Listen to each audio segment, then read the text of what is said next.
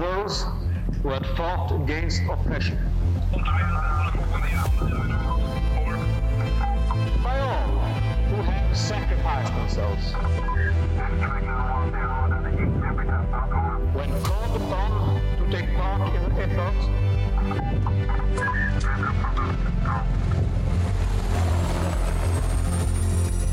for freedom and peace. Det här är podden eh, Tack för din insats med mig, Filip Knesvic. När jag gjorde min grundutbildning i militären så levde man ju ett ganska stort eh, mörker. Det var lite eh, veligt, man hade inte bra koll på vad som eh, komma skulle. Och eh, efter några månader så började det dra upp sig för att eh, man skulle eh, få reda på vart man skulle bli placerad. Då kom eh, flera olika kompanier från eh, P4 och skulle visa sin verksamhet. Och eh, presentera vad de hade att erbjuda för oss Eh, rekryter. Eh, många kom ju med ganska snäva och fräna bilder från olika stridsövningar. Eh, flera hade varit i Afghanistan, som var eh, missionen som var aktuell då. Och eh, vi fick se många powerpoint-presentationer och liknande. Sen så kom Vadsbo kompani och skulle visa sin verksamhet. Och eh, då fick jag se en, eh, bland annat en eh, drivmedelsbil eh, i insatsområdet Afghanistan. Och min tanke var direkt att eh, det måste, man måste nästan vara lite korkad om man vill åka runt med den stora måltavlan i ett sånt eh, område. Efter lite om och men så eh, blev vi rekryter eh, utplacerade att tala med eh, vissa från eh, de olika Eh, kompanierna.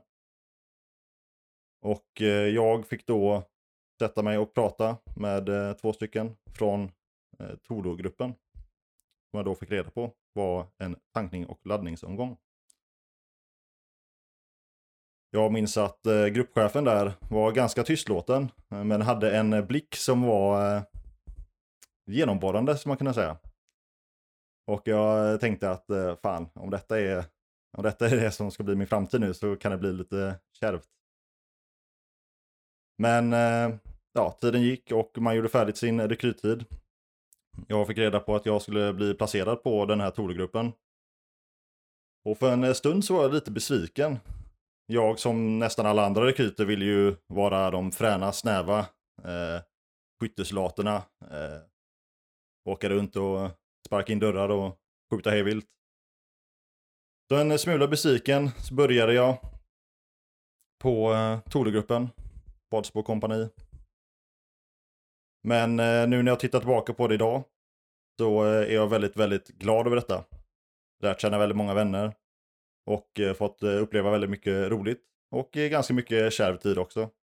Kanske inte så kärv som att sparka in dörrar och skjuta hej vilt, men eh, en helt annan sorts kärvhet i form av uthållighet och eh, initiativstagande.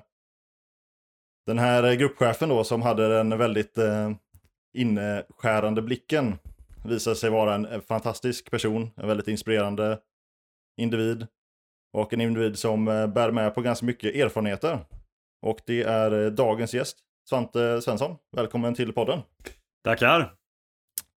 Som sagt, vi lärde ju känna varandra genom att du, ja, i princip kom och rekryterade mig och några andra i gruppen. Ja. Eh, Och du var ju hemkommen från eh, Afghanistan då, ganska nyligen. ja, det hade ju gått ungefär fem månader efter att jag hade kommit hem. Kommer jag ihåg. Och eh, ja, det var ju tillsammans med våran troppchef. eh, Vi eh, åkte till eh, Kvarn.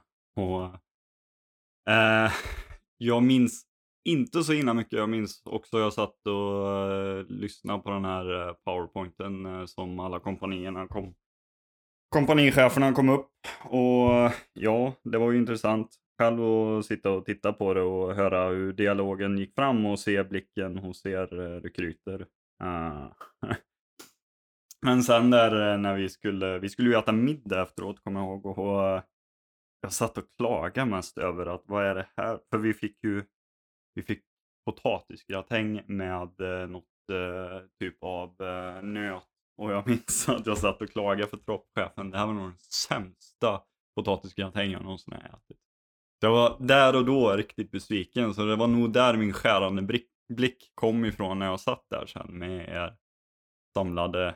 För ni kom ju rekryter, tror ni var åtta stycken, nej nio stycken tror jag ni var. Och då var ju ni inriktade för att komma till Trosskompaniet. Eh, och då var det ju blandat med mekaniker och så var det ju eh, och så var det ju sjukvård och så var det Tolo. Och det var ju bara du som var inriktad för själva Tolo om jag minns rätt.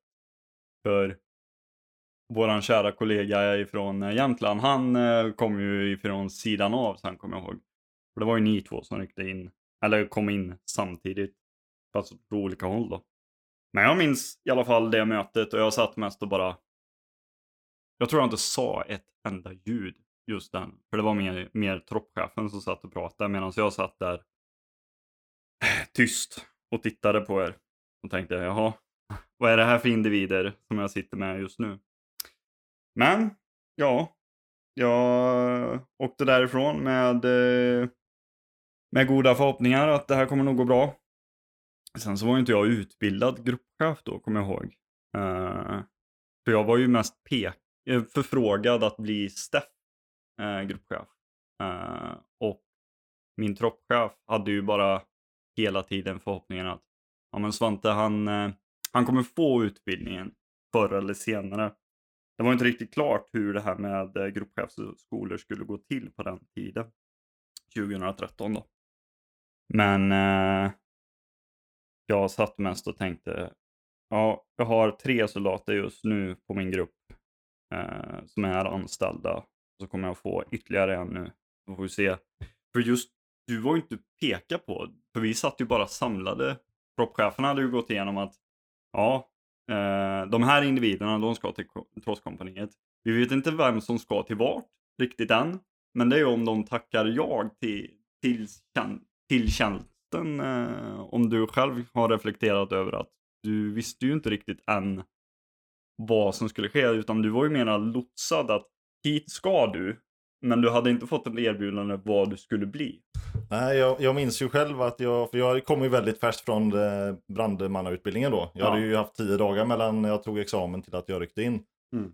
Så jag hade ju någonstans förhoppningen att eh, ja, antingen då bli skyttesoldat. Jag tror att det var det egentligen jag sökte in på när man sökte, men det var ju typ alla.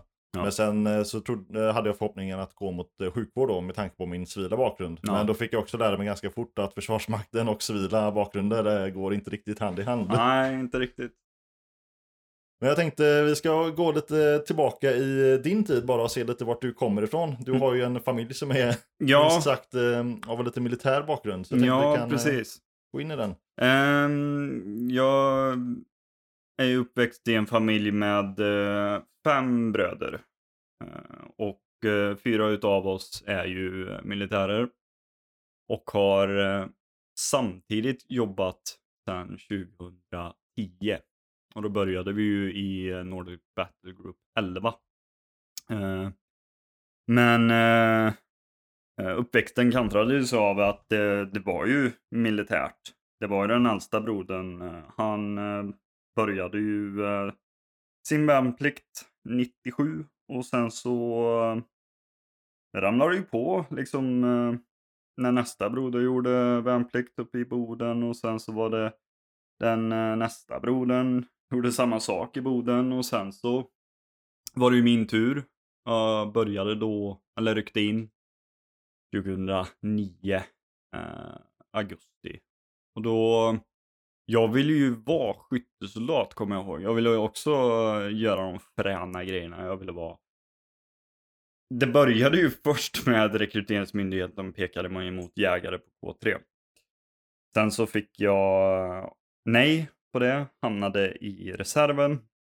Och då hade jag gjort sån där eh, vad heter det, ungdomsverksamhet, eh, FBU, som nu idag heter eh, försvars, eh.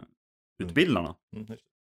Och eh, började där när jag var 15 och sen så eh, tror jag hoppade, eller eh, gick ur när jag var 18. Så att jag tog med i samband med när jag hade fått det här avslaget för att du har hamnat i reserven, du ska inte göra värnplikt. Okej, okej. Då, då blev jag så besviken så att jag, jag skickade in en, eh, ett brev, en, eh, en, eh, vad heter det, överklagan. Om att jag vill göra värnplikt. Det här har jag gjort. Frivillig eh, försvarsungdomsutbildning. Ja, och sen så i samband med detta så gick jag, fem, eller så gick jag i gymnasiet.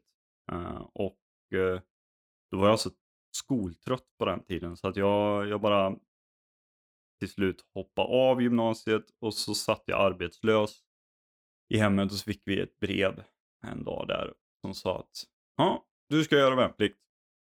Skövde. Okej. Okay. Skönt, det är, ju, eh, det är ju nära hemmet i alla fall. Jag som är uppväxt i Jo. Och eh, då var det min mor som sa, men har du tittat på datumet när du rycker in? Jag bara, så såg jag ju att det är fyra månader kvar. så jag bara, det är ju år ju. Jag ska rycka in. Så att jag blev ju, jag blev ju skitglad. Kommer jag ihåg. Men, eh, ja, och sen så när augusti kom så eh, ryckte jag in och man har ju liksom förberett sig så mycket som möjligt i eh, ungdomens dagar, liksom, precis som FBU där så uh, var man ju riktigt möpig. Om ingen uh, som lyssnar på den här podden vet vad möp är så är det ju militärt överintresserad person. Jag var en riktig möp när jag var liten. Så att... Det är det man... kanske fortfarande. Ja, fast det, det, där har jag haft en diskussion lite på jobbet nu eh, på senare tid. Att MÖP, eh, det är ju liksom, det är ju när du sitter och bara reflekterar hela tiden i alla sociala eh, situationer om eh, liksom vapen, fordon och allt sådana här saker. Men det går till sådana spetsar att du hela tiden bara maler på och bara kommer med de små fakta du tror att du vet. Mm. Men det man ska se idag det är ju att när man sen blir en, en möp som faktiskt kan filtrera när vet jag all fakta och när ska jag egentligen lägga fram det? Då blir det ju inte en MÖP-egenskap utan då blir det fackkunskap som vi faktiskt alla i Försvarsmakten eh, har. Att vi hittar ju våran nisch, det som vi är duktiga på. Och sen så håller vi oss till det. Och sen när vi känner att okej, okay, nu kan jag det här, då kan man ju gå vidare till någonting nytt. Man alltså specialiserar sig på någonting, alltså fackkunskap. Men du, när du var yngre så var du all over oh, the place? Då? då var jag all over the place. Jag, jag, jag eh, Eh, jag hade precis som en annan bror eh, dyslexi, eh, men även svårt att räkna. Och det har jag ju fortfarande idag, än idag, men dyslexin den har jag kommit ifrån. Men till en början så eh, hade jag ju dyslexi som var så svår. Så att när jag satt och gjorde glosor som barn så satt man ju och liksom bara okej, okay, B, vad, hur, hur var B nu igen? Och så sa min mor som satt med med glosorna och hjälpte hon sa banan och då bara, ah, nu vet jag hur bokstaven ser ut. Jag kunde inte komma ihåg bokstäverna. Och det var då min mor insåg att jag tror Svante har fotografiskt minne eller på något sätt behöver visualisera hur det ser ut. Och det var då jag själv började inse att jag satt väldigt mycket som barn och bara tittade i böcker och då var det mycket militära böcker och då var det den klassiska Solle från 1986. Den satt jag och tittade mycket i. Tittade på bilderna och så reflekterade över det. Men när jag väl började kunna läsa, då var jag runt 11. Då satt jag och försökte att titta bara på vapnena i just den här boken. Och så kunde jag då läsa av vad varje vapen hette och sen hur i alla fall specifikt i den boken, hur konturerna såg ut på vapnen och sen så lärde jag mig vapen det första jag gjorde. Det kom liksom naturligt på det sättet, att jag började lära mig vapen och så, men det här är jag duktig på, så jag började djupgrotta mig i att börja lära mig vapen och det var där det började i alla fall. Och sen så var det ju flygplan. var intresserad av. Och det är ju fortfarande idag att kunna se skillnaden på flygplan och sådana här saker. Alltså se vinguppbyggnad och sådana grejer. Men eh, inte för att jag har någon, någonting viktigt i det och komma ihåg hur flygplan eh, ser ut, men det är ju bra att identifiera dem i alla fall. Från marken. Um, men i alla fall så att uh, jag ryckte in där, hade då förhoppningen att bli skyttesoldat. och trodde jag hade förberett mig så mycket som möjligt. Men det ingen kan förbereda sig uh, för att göra värnplikt eller komma in i en helt ny värld som värnplikten är. att det, eller det Försvarsmakten i, i stort är, är ju du kommer ju till en helt ny värld, nya personer. Och jag som var, eh, jag var ju eh, eh diagnoserad med eh, social fobi. Eh, och hade haft svårt i skolan att kunna hitta min roll i grupperna och sådana här saker. Men eh, ryckte in då och eh, nya människor, eh, eh, befälarna, de skötte ju sitt jobb så bäst de kunde och de gjorde ett riktigt bra jobb. Men det blev en sån stor vägg att helt plötsligt en vecka efter att jag hade ryckt in så sa jag bara nej, jag vill härifrån, jag vill härifrån. För det var, man hade stött på väggen, man hittade ingen annan väg att ta sig än att bara fly. Det blev en, eh, en flykt. Att uh, vilja komma därifrån. Så jag, jag försökte jag försökte ljuga för min kompanichef så att en av mina bröder hade cancer och men liksom de kunde ju inte göra någonting. Det, det fanns ingenting på grund av att man var ju där på plikt. Så att eh, ja, du är fast här.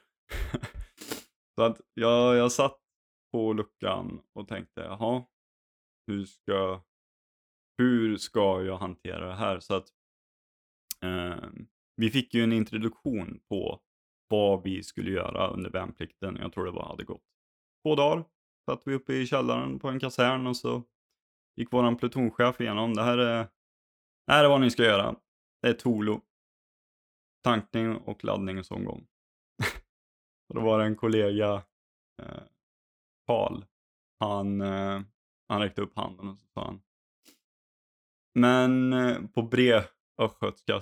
Men jag, jag hade ju fått att jag skulle vara broläggarbandmanchef. Skulle jag vara. Och våran plutonchef tittar på. Den, den har försvunnit för länge sedan. Den tjänsten finns inte. så att, jaha, och sen så var det ju fler utav oss, eller eh, i gruppen som, eh, eller plutonen som eh, också så här, men jag skulle ju på det här och jag skulle bli eh, gruppchef på Kustjägarna och sådana här saker. Så vi insåg redan där och då, 2009, att vi är nästan ett skrap hela gänget. Så vi, vi, vi, vi kom in liksom i första steget av Fire Circle att okej, okay, det här är vi, vi ska hålla på med drivmedel och ammunition och dela ut på en bataljon. Mm. En, på den tiden, mekaniserad bataljon. Och det var ju liksom introduktionen så att till en början så på tre månader GSU, grundläggande soldatutbildningen, så äh, gick vi igenom de klassiska äh, anfallsstrid och sen så försvarsstrid. Men i, mitt i hela GSU-skedet så blev det ett, ett äh, en paus i själva stridandet för då, då var vi tvungna att bli utbildade på lastbil. Och det vet ju redan du också, liksom hur, hur svårt det är att utbilda på en tung lastbil i sex veckor var min utbildning. Där vi liksom gick igenom hur man kör bil, hur man gör kontrollerna före man eh, börjar ens eh, rulla med fordonet och sen så eh, var det ju halkkörning på det och sen helt plötsligt när han var, jag tror vi hade vi hade en vecka kvar tror jag på lastbilsutbildningen. Då var det bara basketprov. Då åkte vi ut till eh, Villingsberg. Och där, eh, där så eh, eh, var vi ute i tre dagar för att få basker. Vi, började först med... Eh, vad var det vi började med? Jo, vi var ute och... Eh, eh, vi började med ensamdygnet först. Eh, men på dagen så hade vi gått igenom olika stationer. Vi eh, lärde oss att eh, rena vatten och sen så på kvällen där så hade vi kanske gått igenom några stationer och vi gick längs med en väg och sen så var det våra befäl, han bara gick på en rak sträckad väg och så pekade han ut oss. Bara bra, du, vänster sida vägen, 50 meter in. Jajamän. Lägg dig. och sen så gick man där. Vi gick ju på eh, kolonn bakom honom och så kom vi fram till slut så fick jag till höger, 50 meter in, gå och lägg dig. Och eh, jag gick in där och det var ju liksom, det var kanske ja, inte ens tre meter emellan varje trän och jag bara hur fan ska jag lägga upp min, eh, min ensamma varg här? Vilket är en presenning, en tjock, tjock, tjock presenning som man eh, sätter upp. Det var ju stört omöjligt så jag försökte bygga upp den i träna ungefär en meter över och sen så försökte jag lägga mig så att den låg som ett regnskydd då. Och sen började det spöregna. Och uh, sen uh, jag tror jag vaknade fem gånger den natten och sen så till slut bara, nej det är ingen idé att gå och lägga sig. Så att jag packade ihop mitt pick och pack och så gick jag ut till vägen och så stötte jag på andra som hade kommit, på, kommit till samma insikt som jag eller slutsats att det går ju inte att sova här. Så vi, vi, vi gick längs med vägen och bara försökte hålla värmen. Och ja, ehm, där får man ju liksom lära sig att ja, återhämtar man inte så då får man ju pest och pina dagen efter. Så att dagen två i alla fall så var det ju uh, ut och uh, gå och sen uh, gruppbevack på det. Och sen försöka överleva på det dygnet och sen tredje dygnet var det bara ut och gå. Gå, gå, gå. Till slut kom man in och så fick man sin basker. Och eh, sen började ju det som eh, kallas då BFU-skedet då. Där man eh, börjar med befattning. Vi har ju redan varit inne då och pillat i befattningsutbildningen med samband med lastbilar. Men vi började ju befattningsutbildningen med pansarskott 86 och sen rullade bara på. Eh, vi gick ju in sen i eh, drivmedelsutbildningen och det var där jag fick eh, liksom den här känningen för att okej, okay, drivmedel, hålla på med det Uh, vi fick ju utbildning på FOBU, uh, fordonsburen tankutrustning. Och uh, ja, det var en, tror den var en vecka lång bara. Vi fick bygga ihop den och sen så fick vi utbildning på så här fyllde man den från en eh, tankstation och sen så var det ju bara drilla, öva, öva hela tiden på att upprätta så snabbt som möjligt en tankningsplats. Och det övade vi på. Och sen så, och det gjorde vi ju samlad pluton. Men vi hade fortfarande inte gått igenom hur vi skulle vara uppdelade i grupper. Uh, det fick vi uh, senare skede. Eh, vi satt i en filmsal och så gick vi igenom, ja, det, så här ser ju eh, plutonen ut och så här kommer grupperna se ut. Bam! Och då hamnade jag på en grupp där det var jag och en gruppchef. Det var där vi var. Och då fick jag reda på att jag skulle vara drivmedelssoldat. Så då fick vi en specifik utbildning på en annan typ av material som heter tankcontainer. Och det är ju en 20 kubik eh, drivmedelstank som eh, man rullar med. Och vi skulle ju då hålla på med intern logistik på kompani. Men även vara beredda att kunna understödja bataljonen med eh, drivmedel. Och sen så var det ju bara att öva på det systemet och någonstans där och då så insåg jag ju att det här är ett nytt system i Försvarsmakten. Um, han som utbildade mig, han kanske var lite osäker i sig själv för det han gjorde var ju bara gav instruktionsboken och så gav han lite heads up tips liksom. Här, eller inte tips, men han sa så här är det liksom. Men mycket av systemet fick jag ju lära mig själv. Och den där systemet har ju följt mig i hela min karriär i Försvarsmakten. Att lära dig själv eller? eller? Nej, lära mig, eller um, hantera tankcontainer. Eh, den, den har ju verkligen följt mig i karriären. Eh, för det är, eh, det är ett system som jag har lite kärlek till, men jag har även några kritiska eh, punkter på den som man bör förändra. Men eh, det är en annan sak. Men eh, nej, så började det i alla fall och sen så när värnplikten var över, då hade jag ju liksom gått i tankarna, jaha vad ska jag göra efter värnplikten? Och då var det ju eh, MBG som det var på tals. Och då hade man ju redan haft Nordic Battle Group 08 eh, 2008 då. Eh, den hade ju redan varit och den hade ju en utav eh, oss bröder varit med på. Och eh, Vad, vad innebar då MBG då för den som inte vet om? Ja, Nordic Battle Group var ju EUs snabbinsatsstyrka. Ett koncept eh, Eh, som eh, fortfarande finns idag i EU. Men eh, i Sverige så har vi inte haft den sedan 2015. Och det var en eh, snabbinsatsstyrka som leddes utav en nation och sen så var det ju stödnationer eller nationer som var i partnerskap. Så vi i Nordic Battle Group, det var ju Sverige som ledde den. Eh, och den hade ju ett mandat att kunna ha eh, ett x antal personer. Eller vi bedöm man gjorde en bedömning från eh, armétaktisk eh, stab att det här är det vi kan eh, hantera och det var ju 2500 på, eh, personer. Då. Sen så eh, hade vi ju då beredskap att kunna åka. Eh, om jag minns rätt så var det 600 mil i en eh, radie från Bryssel som utgångspunkt och sen så kunde man då dra en eh, radie och så en, en cirkel runt i världen. Och eh, då stod vi i beredskap eh, från 2011 i ett halvår. Så från första januari till eh, eh, ja, sista dagen i juni. Jag som inte ens kan månaderna.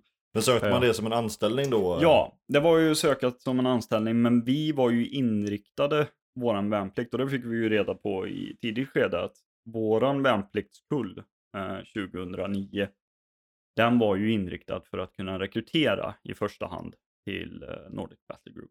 Och eh, när jag väl eh, någon gång där bataljonsövning nummer två tror jag det var, så var det min plutonchef, han var ju ledig. Han är inte ledig, men han var, han var inte med på övningen utan det fick ju eh, några andra vara chefer på det. Men han kom ju ut och hade ju rekryterat folk från våran pluton. Och eh, han tog ju min gruppchef åt sidan och så stod jag vid sidan av. Vi stod på en Toloslinga eh, på Skövde skjutfält och så eh, när hon står och skriver på det här så säger min plutonchef ja, Svante du vill inte vara med på mitt BG då, sa han. Och, jag sa, och då hade jag tänkt på detta, men jag, jag, hade, ju, jag hade ju redan i tidigt skede där eh, under värnpliktens början eh, lyft att jag vill inte vara kvar. Så att han, eh, han fick nog en liten chock när jag bara säger ja, det kan jag väl vara. Eh, och eh, det tog några timmar senare så hade vi bataljonsuppställning, ett litet avbrott där. Eh, bataljonschefen stod och eh, höll eh, brandtal och efter det så sa min plutonchef Svante, varför i helvete ska jag ha med dig i mitt MBG när du inte ens kan springa milen på en timme? och det var faktiskt sant för jag som var rökare på den tiden Eh, jag hade riktigt dålig kondition så jag, jag, eh, jag fick ett litet uppvaknande där att okej, jag, jag har ingen gymnasieutbildning och jag, jag vet inte vad jag ska göra efter värnplikten. Och jag har redan tänkt över att men jag kan ju vara med i MBG så får vi se vad som händer sen. Um, och ehm, där, så, där och då så bestämde jag att nu ska jag nu ska jag bli godkänd i alla fall. Så visa honom att jag kan. Jag kan verkligen. Och jag vill. Så då, mm, de sista månaderna kvar så försökte jag verkligen visa mig på styva linan. Och jag tror jag gjorde ett bra jobb för jag fick ju anställning sen. Och eh, sen var det MBG. Vi, vi muckade ju i eh, juni, ryckte in i augusti. Så jag hade en månad efter eh, värnplikt att kunna bara återhämta mig. Och sen så blev man anställd. Och det var ju en annan sak. Att komma in som anställd i Försvarsmakten. Det var ju väldigt nytt då, för värnplikterna hade ju röstats igenom i riksdagen. Eh, att eh, det skulle läggas vilande. Eh, och det, det klubbades igenom då att eh, värnplikten den kommer att ligga vilandes efter första januari 2009. Fel, 2010. Ja, det säga, för det var precis nämligen eh, där när jag skulle egentligen eh, rycka in, eh, vet jag. Ja, precis. Och ehm, då var det ju redan folk som var inryckta, så att där och då, eh, vi som var där, vi fortsatte ju våra 11 månader som vi hade. Men det var ju en, det var en, eh, en, eh, en klunga av människor som hade ryckt in. Eh, som eh, då gick de tre första månaderna i plikt.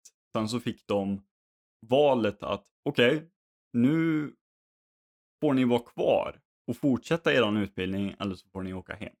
Det, det är liksom ett val. Och jag vet att min, min fru gick ju eh, i den perioden också.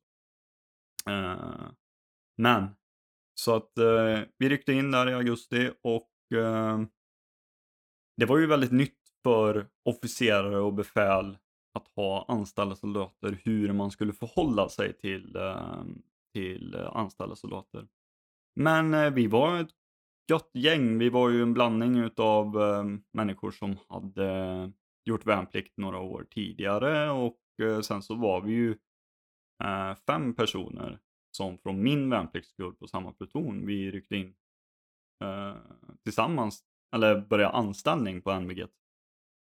Och sen så, det var ju till en början så var det ju att försöka eh, göra de här grundläggande utbildningarna som man hade i GSU-skedet. Eh, typ ladda patronur på vapnet och sen så eh, hade vi ju eh, en ny lastbil, eh, eller ny och ny, men eh, det var en ny för oss. Eh, min och splitterskyddad lastbil.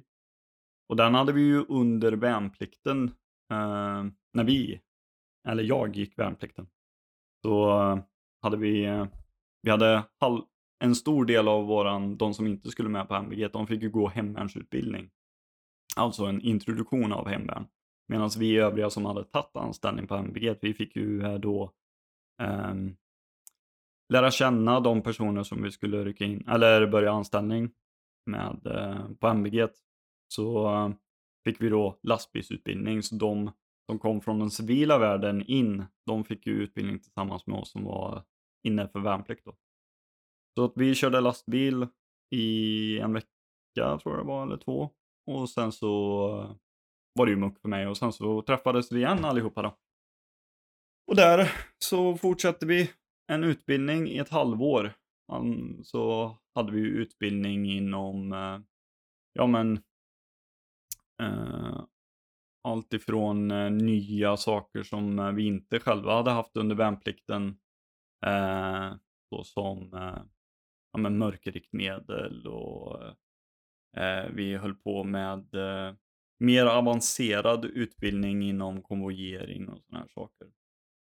Så det var, det var riktigt kul. Och jag kommer ihåg eh, vår ställföreträdande plutonchef, han sa det att eh, alltså jag, jag gör ju inte det här för att jag ska åka på insats. Alltså man får ju se eh, utbildningen som, eller eh, det som vi gör nu det första halvåret där vi utbildas inom ramen utav eh, Nordic Battle Group. Det är ju liksom, det ska vara kul. Eh, att få åka, om vi får åka, det ska man ju bara se som ett plus.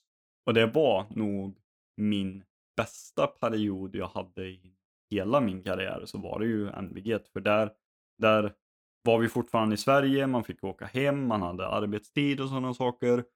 Men sen eh, även att vi hade riktigt kul tillsammans. Men det fanns vissa konflikter kan man säga. Hur eh, till exempel löner och sådana här saker. Det var, det var svårt på den tiden för eh, det, med nya eh, anställda soldater. Det, och så officerare samtidigt. Det var konflikter mellan befäl. Det var mycket sådana skriverier eh, om att eh, officerarna de behandlar oss som värnpliktiga och sådana här saker. Men det, det var en svår period för jag tror hela Försvarsmakten just där och då hade en uppstart av en egen Fire Circle eh, som är en gruppdynamiks eh, eh, teori, eller eh, eh, filosofi. Att eh, när man är i en ny grupp då startar man en process där man måste hitta liksom rollerna och sen så bygga upp liksom det här eh, ansvar över vad kan jag för ro eh, roll och vad kan jag göra i min grupp och sen så bygga upp ett samarbete. Jag tror hela Försvarsmakten där och då eh, fick en uppstart inom hela myndigheten att okay, vi har soldater blandade med officerare som alla är anställda. Hur ska vi förhålla oss till oss själva? Hur ska vi kunna hitta rollerna och eh, personalkategorierna inom detta då? Så att, eh, och sen var det ju lönerna och det var ju då jag blev introducerad utav vårt kära eh, ekonomiredovisningssystem eh, Prio. Och det ska vi inte prata så himla mycket om, men det var mycket problem på den tiden. Jag tänkte, jag tänkte bara på när det var, alltså när ni var aktiva i MBG, hur, hur såg omvärldsbilden ut och hur såg, vad hade ni för information om potentiella eh, uppdrag ni skulle, eller liksom, hur såg liksom, vad var förväntningarna och hur såg omvärldsbilden ut? För det var, då var ju Afghanistan, eh, som vi kommer till senare, men då var ju det redan i full, full gång. Eh, och det fanns lite andra eh, ja, konfliktzoner så att säga. Ja, precis. Afghanistan var ju för mig där och då var ju under värnplikten så var ju den eh, väldigt nära i hand eftersom att en av mina bröder var just då i Afghanistan när jag gjorde värnplikt. Och just det var ju 2009. Då började, då började buset som vi kallade det på den tiden. Um, det, det trappades upp mycket. Det var väldigt, um, väldigt um, uh, känt att på sommaren så började alltid buset att bli aktivare i eh, att skjuta på eh, eh västländska trupper i eh, Afghanistan. Och särskilt då 2009 så blev det väldigt många eldstrider just där och då och då var ju min bror nere. Så att då, då var det ju väldigt nära eh, påkommet på mig då att okej, okay, hur mår brorsan och hur... Eh, jag minns själv att jag, jag läste när det hade varit någon eldstrid i Afghanistan och jag frågade min plutonchef, har du hört någonting? Och han, han kan ju inte veta någonting. Det, det, det är jättesvårt. Eh, men sen eh, så ehm, var det ju, medan vi var i MBG så började ju den, uh, då började ju uh, det leva, leva om i den politiska grytan i arabvärlden. För då var det ju Libyen just då. där började det ju trappas upp då och bli ett inbördeskrig mot då president Gaddafi. Och vi, vi hade ju våran samverkansofficer just där och då. Han, eh, han brukade eh, Eh, samla hela kompaniet för en eh, genomgång och gick i, och satt och orienterade om alla oroshärdar just där och då. Och då var det ju Libyen. Så vi, eh, vi satt och lyssnade väldigt mycket på orienteringar om att uh, nu händer det här.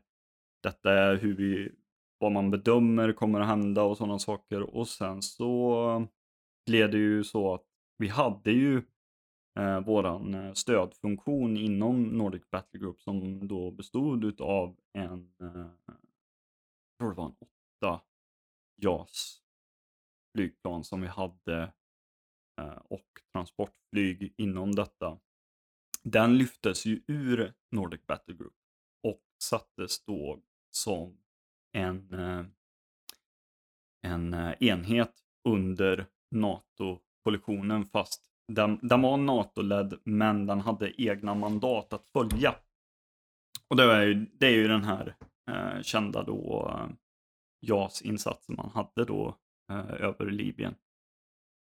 Och eh, där och då så, ja, vi trodde ju först till en början vi kommer få åka om man redan skickat JAS-plan, men sen så, ja, våra befäl, de kunde ju lista ut detta med deras egna taktiska bedömande att nej, jag tror vi inte kommer åka nu eftersom att vi har förlorat en hel del utav våran stödfunktion. Just där och då. Så att, eh, nej, det var, det var det vi hade som orienteringar om eh, Libyen. Det var ju det vi trodde. Och Nordic Battle Group eh, 08 hade ju samma eh, sak. De hade ju Chad på den tiden. Och, Ja, jag pratade ju med Morgan där i Ja. några avsnitt sedan. Han, han satt ju på MBG för att, eller tanken var ju att de, ja det verkar som att man skulle åka till Chad men Ja, ja, det var inget med det. Nej, man skickade, eh, man skickade ju amfibies uh, reserv uh, insatsstyrka istället. Skickade man på det.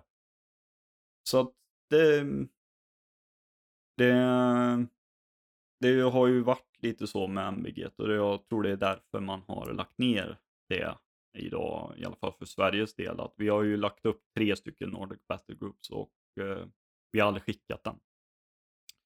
Så att därför idag också nu med den eh, eh, omvärldsbild som ser ut idag så har vi inte råd att kunna skicka iväg en så pass stor styrka som vi hade då planerat på den tiden.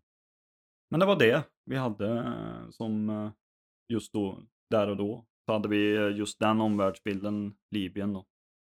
Men äh, ja, när, för, för ni övade ju såklart hela tiden under men du sa att det var ett halvår. Eh, hur, såg, hur såg dina tankar ut för när MBG skulle ta slut och, och hur, Jo, hur tog det vägen sen? Ja, precis. För det som hände efter Nordic Best Group, det var ju att vi, eh, vi hade ju eh, de här värnpliktiga som vi pratade om, eh, som var precis eh, inryckta.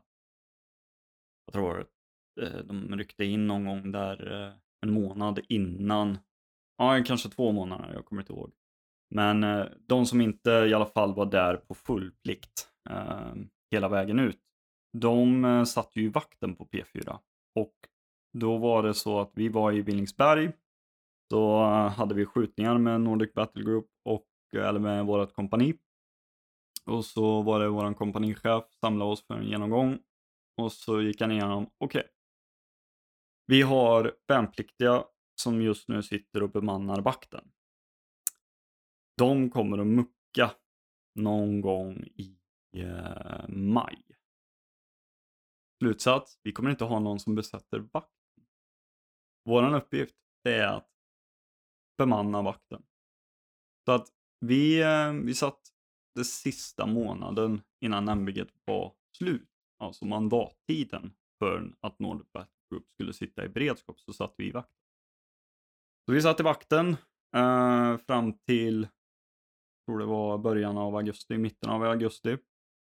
Eh, så byttes vi av och byt, eh, satt i vakten där och eh, sen så när innan då vi hade beman, eh, bemanningen utav vakten så hade vi ju liksom gått igenom att okej, eh, Nordic Battle Group kommer ju att eh, splittas, men vi har även en eh, beredskap att kunna, eller vi ska, vi ska sätta upp en styrka för att kunna skicka till Afghanistan med den personalen som vi har från Nordic Battle så skickade man ut då att okej, det här är de platser, de eh, befattningar vi har för Afghanistan. Och då var det ju FS-22 som skulle upprättas då.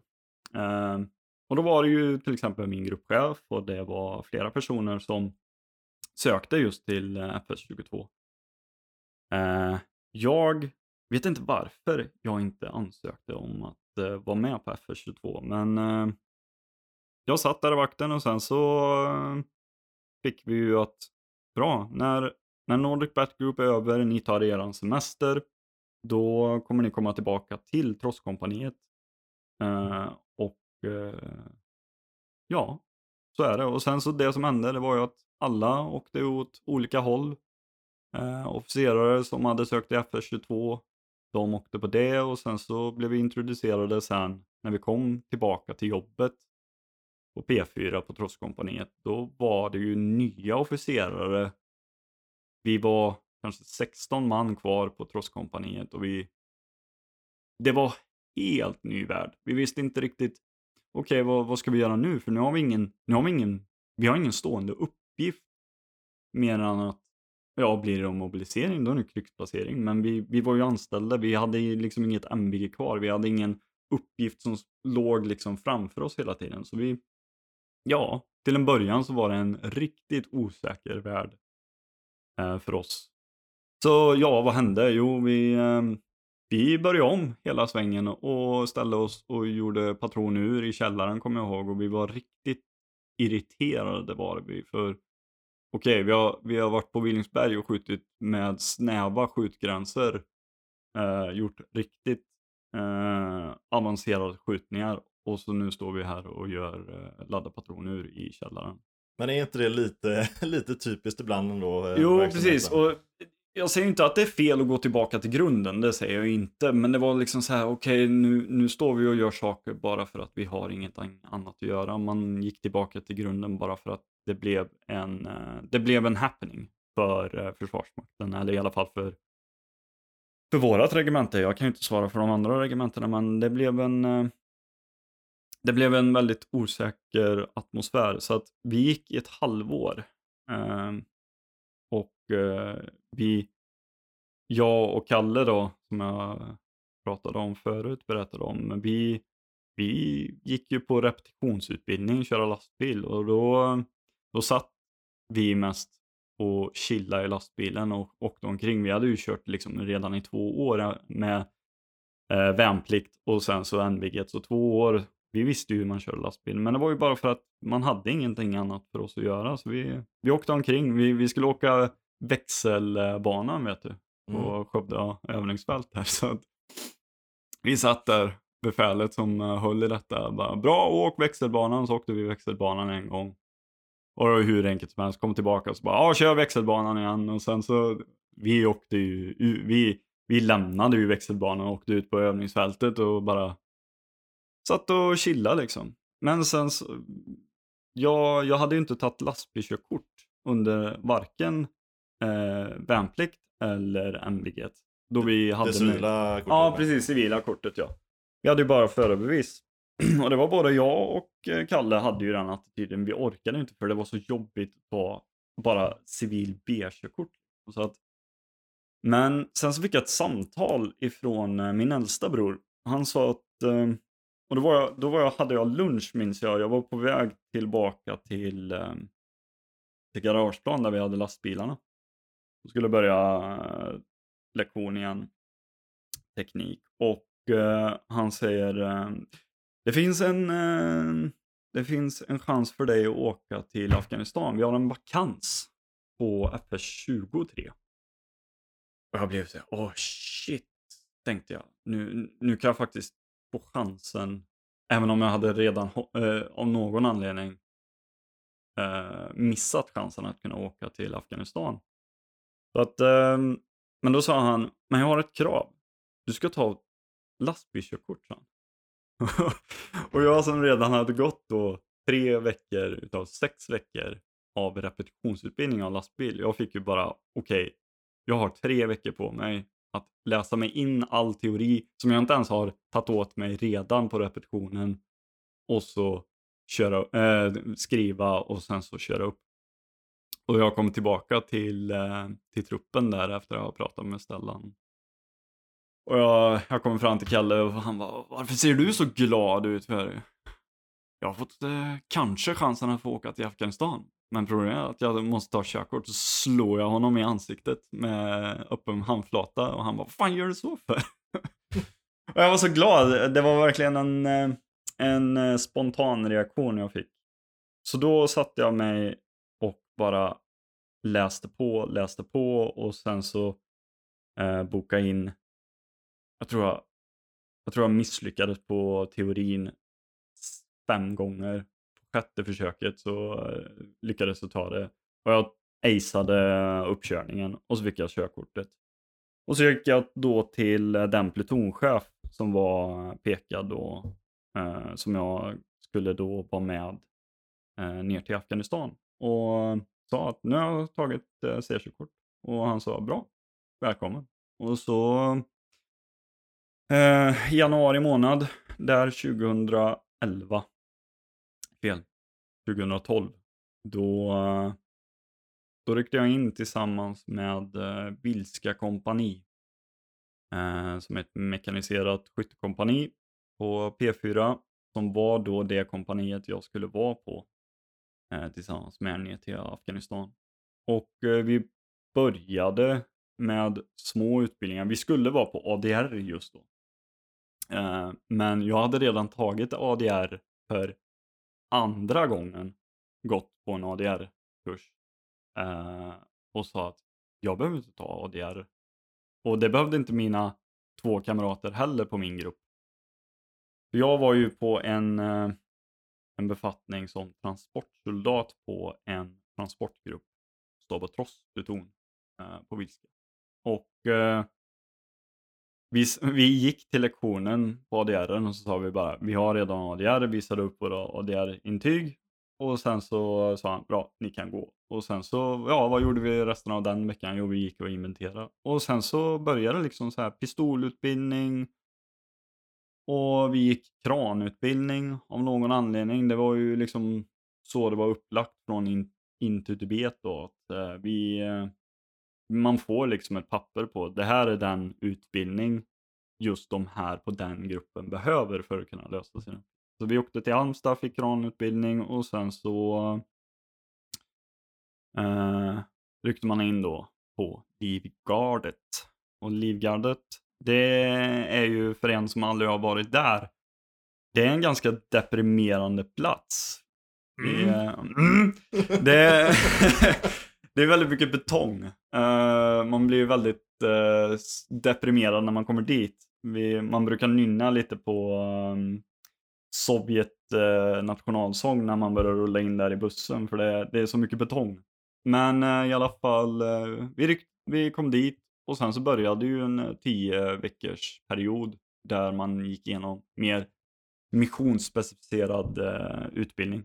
Och vi fick ju alla möjliga utbildningar, Counter ID och eh, vi fick utbildning eh, på eh, mera kultur eh, utbildning utav Afghanistan. Vad, vad är själva landet Afghanistan?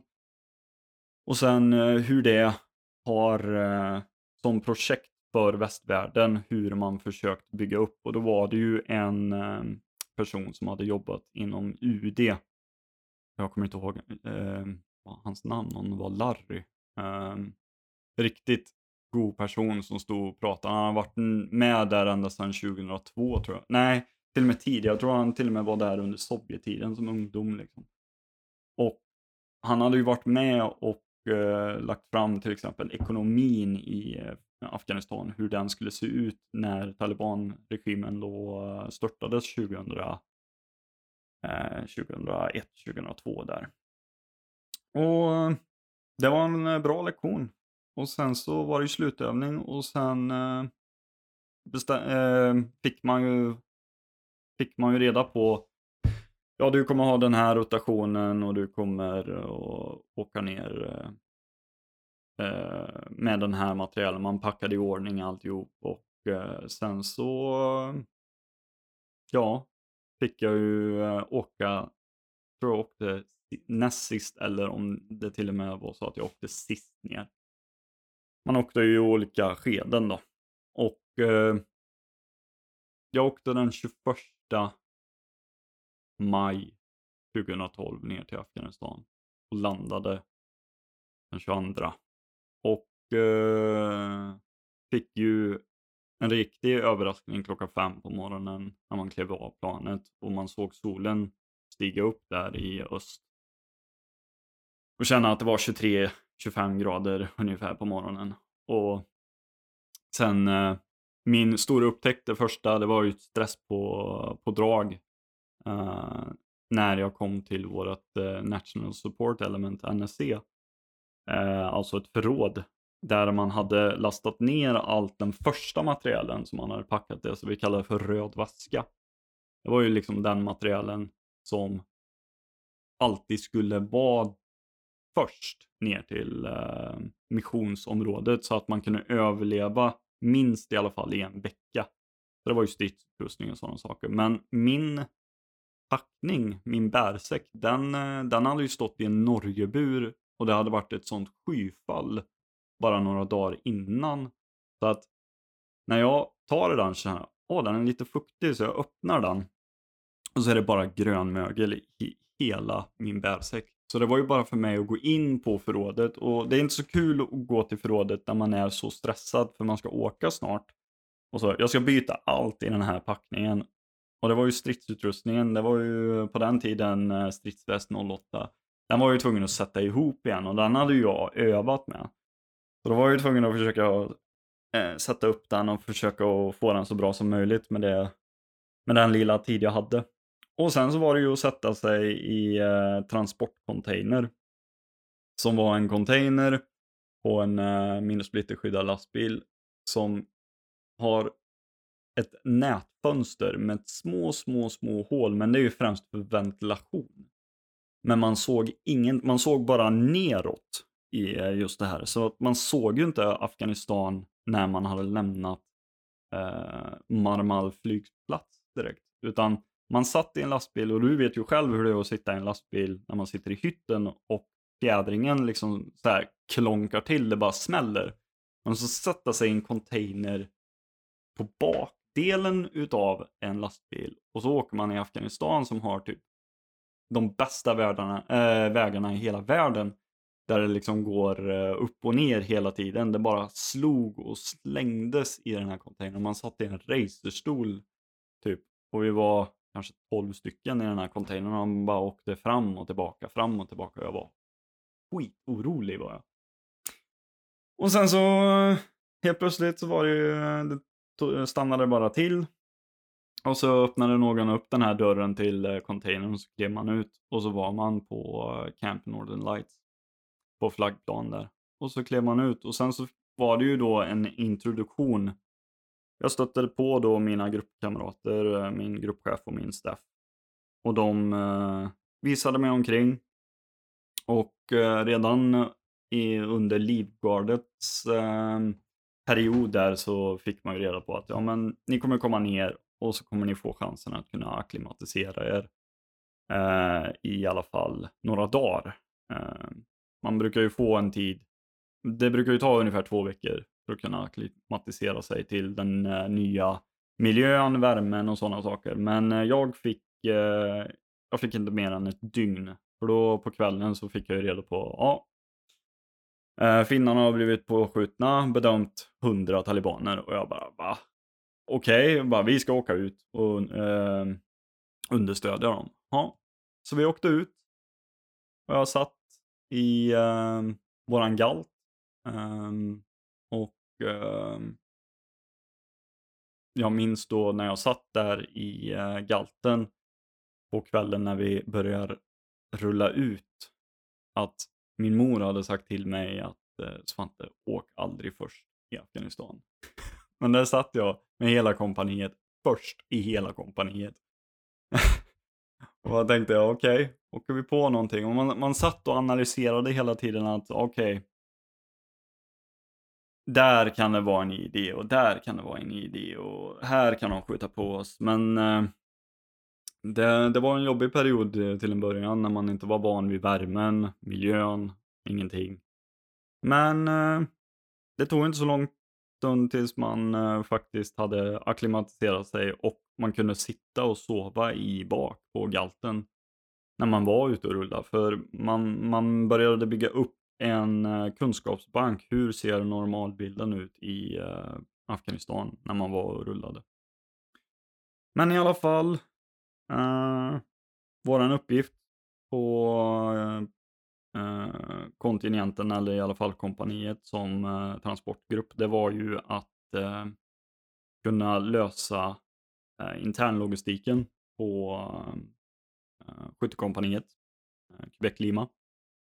Och eh, Vi använde ju lastbilen i alla fall minst en gång i veckan för att åka till eh, flygbasen Marmal för att hämta vatten, reservdelar och eh, byta ut kläder åt eh, soldaterna. Vi hade ju ett pålsystem.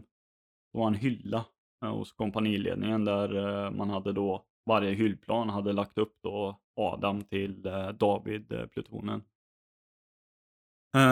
Och så innan man skulle rulla till Marmal så gick man förbi den där hyllan och så, ja här ligger det alltid byxor. Det var alltid byxor som skulle bytas för de gick alltid sönder i skrevet. För de var så tunna i skrevet och det var ju där människor främst eh, eh, avger mycket värme och fukt. Så att eh, de sprack hela tiden. Så det fick man ju byta på förrådet. Och sen så eh, var ju våran eh, främsta uppgift blev ju där nere att vara närskydd åt våran plutonchef som då blev eh, mer eller mindre en eh, husse för alla enablers eh, när vi var ute. Till exempel K9, alltså hundpatrull.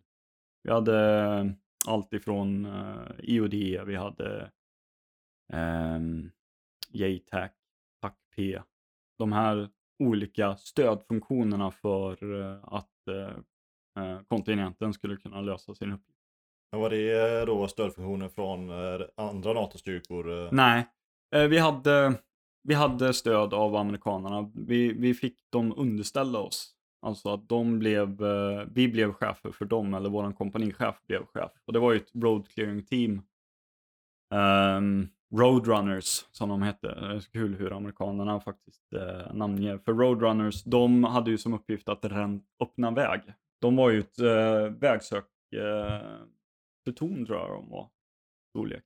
Och ehm, de hade ju avancerad utrustning för att kunna öppna väg. De eh, hade ju till exempel eh, ja, men, eh, en spindelformad fordon med en stor radar för att liksom kunna söka av en hel väg.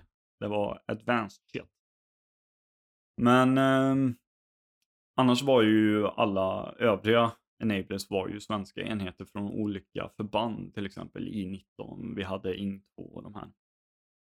Eh, så att eh, jag stod främst i våran galt så var ju min uppgift att vara kulspruteskytt eller eh, hålla på med drivmedel för då tog vi en, en bandvagnskärra eh, eh, och så satte vi bak på galten och så fyllde vi den med dunk med diesel. För vi hade ju eh, vi hade ju 90-vagnar och eh, galtar. Och det var ju främst 90 behövde ju drivmedel. Så vi gjorde en liten sån här ja men taktisk eh, tankning ute i öknen med dunk. Gjorde vi. Det var sällan jag använde den här foben som vi hade. Vi hade en fobu. Jag åkte ut två gånger men det var främst för att tanka amerikanerna. Eh, från Roadrunners då. Så jag har genomfört tankningsplats med eh, fobu ute i Afghanistan och det är ju kul sådär men eh, Sen så fick vi ju sådana här ströuppgifter. Jag fick ju främst eh, uppgiften att, eh, och det var en sidopuck. Som man alltid får i Försvarsmakten, någonting till lika uppgift. Um, ehm, det var ju att vara BVKF och IFTEX uh, eh, biträdande föreståndare för mitt kompani. Och det var ju att eh, ta hand om eh, drivmedel på fasta anläggningar och ammunition i förlag. Och det är ju en föreskrift vi har i Försvarsmakten från MSB att kunna sköta då eh, i Sverige men även på utlandsmission kunna sköta regelverk i, eh, i hur vi förvarar drivmedel och hanterar drivmedel eh, på fasta anläggningar men även ammunition, hur det förvaras. Så jag fick uppgift att vara en riktigt, jag tror en riktigt irriterande person för alla skyttesoldater på uh, Quebec Lima. För jag fick ju ifrån högkvarteret, eller till min chef som var uh, chef för våran stabs understödskompani, eh, Papalina. Eh, han var ju min chef som hade då sin chef i, på, från högkvarteret, alltså en drivmedels och ammunitionsföreståndare. Han eh, sa ju till att vi, vi ska få ordning i Afghanistan för där eh, hade man inte skött riktigt BVKF och IFTEX. Så att vi fick ju eh, göra om hela hur vi skulle förvara ammunition i Afghanistan. Och det tror jag störde sig många på eftersom att det var inte riktigt så skyttesoldaterna ville ha det. Så att eh, vi gjorde en eh, liten rond där ni och vände upp och ner lite på verksamheten eh, när det gällde det. Men eh, det var nog de uppgifterna jag hade främst där nere.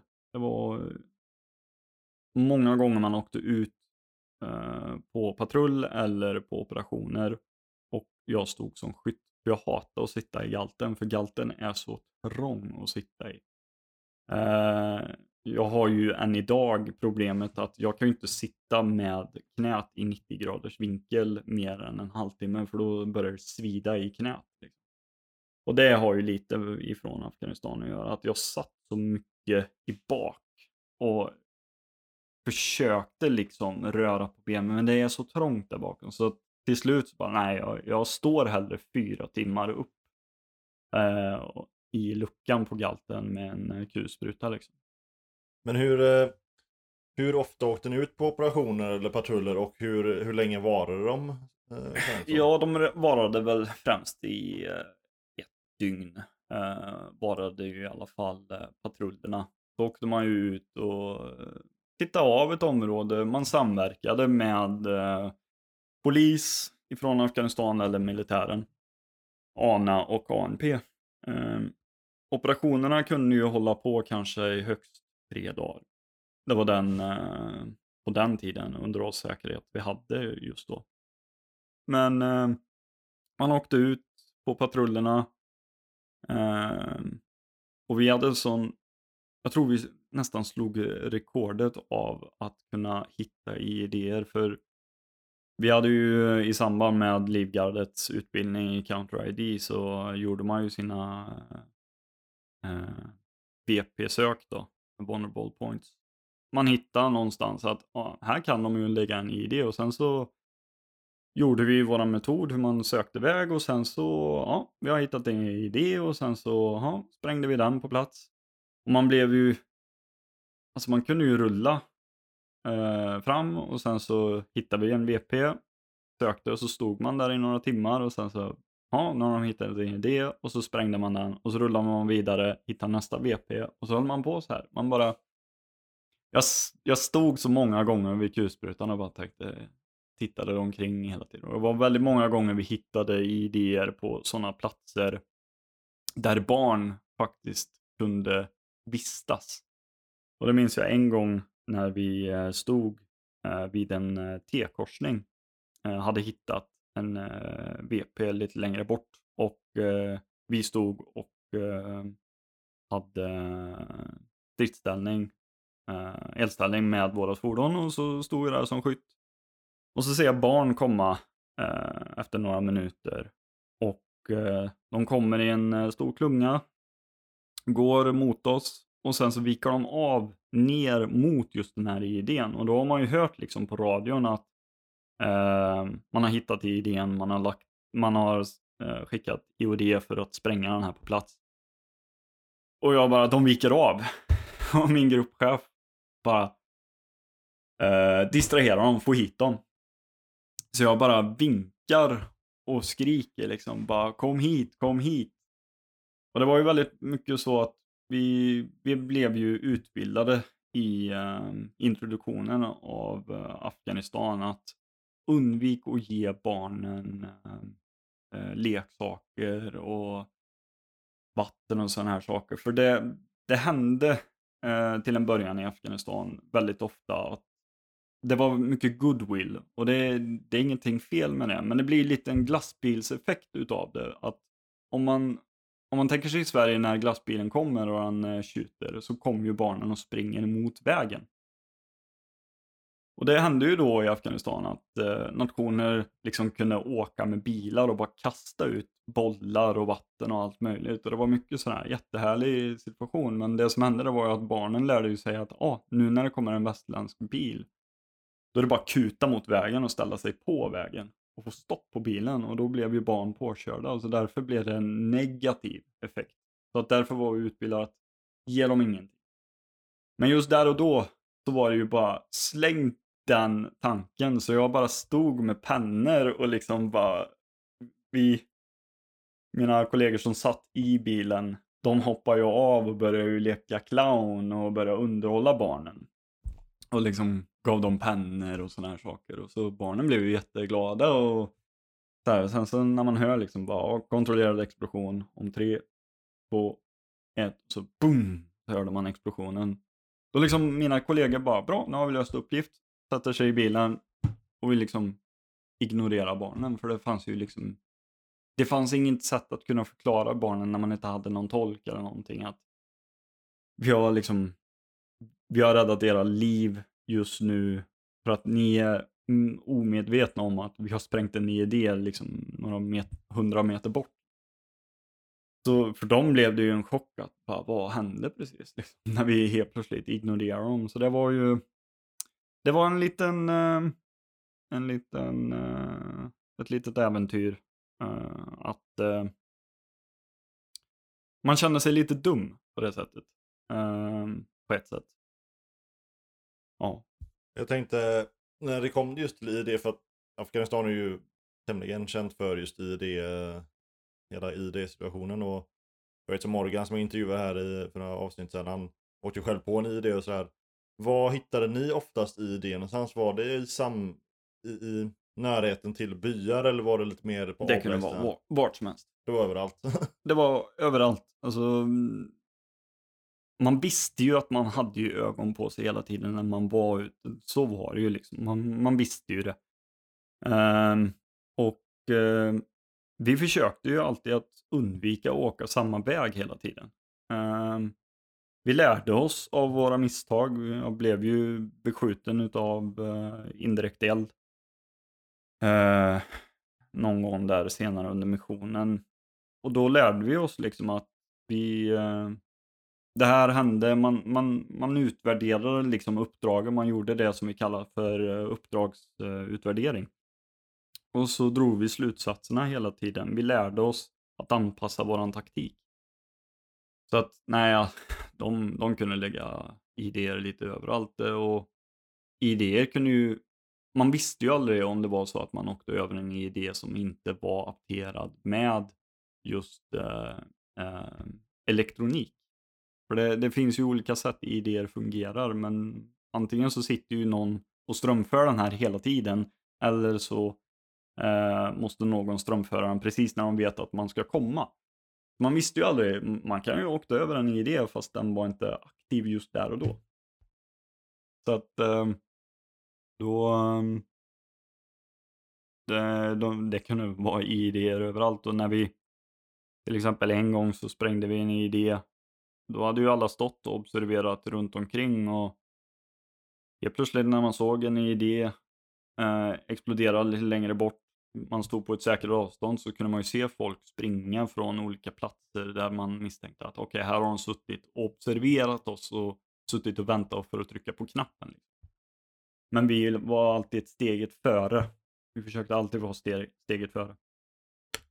när, eh, när din bror var i Afghanistan där sa du att det var rätt hög aktivitet. Alltså rätt hög insurgentaktivitet då. Ja, Hur såg det ut när, eh, när du var där nere? Eh, ja, det, jag, jag, jag har varit på två missioner men det brukar följa med att när jag åker ner så blir det alltid en oroshärd. För det, det, blev ju, det blev ju en av Afghanistans varmaste somrar när jag var där nere. Och det var verkligen hög aktivitet just där och då. Inte li- lika mycket som eh, FS-19 då, eh, som var 2009, utan det var ju eh, det var ju hög aktivitet, men inte lika mycket. Nej, så att de, eh, de sköt på oss. Eh, Jag var med om eh, eh två stycken eh, beskjutningar med indirekt eld och sen en med eh, finkall.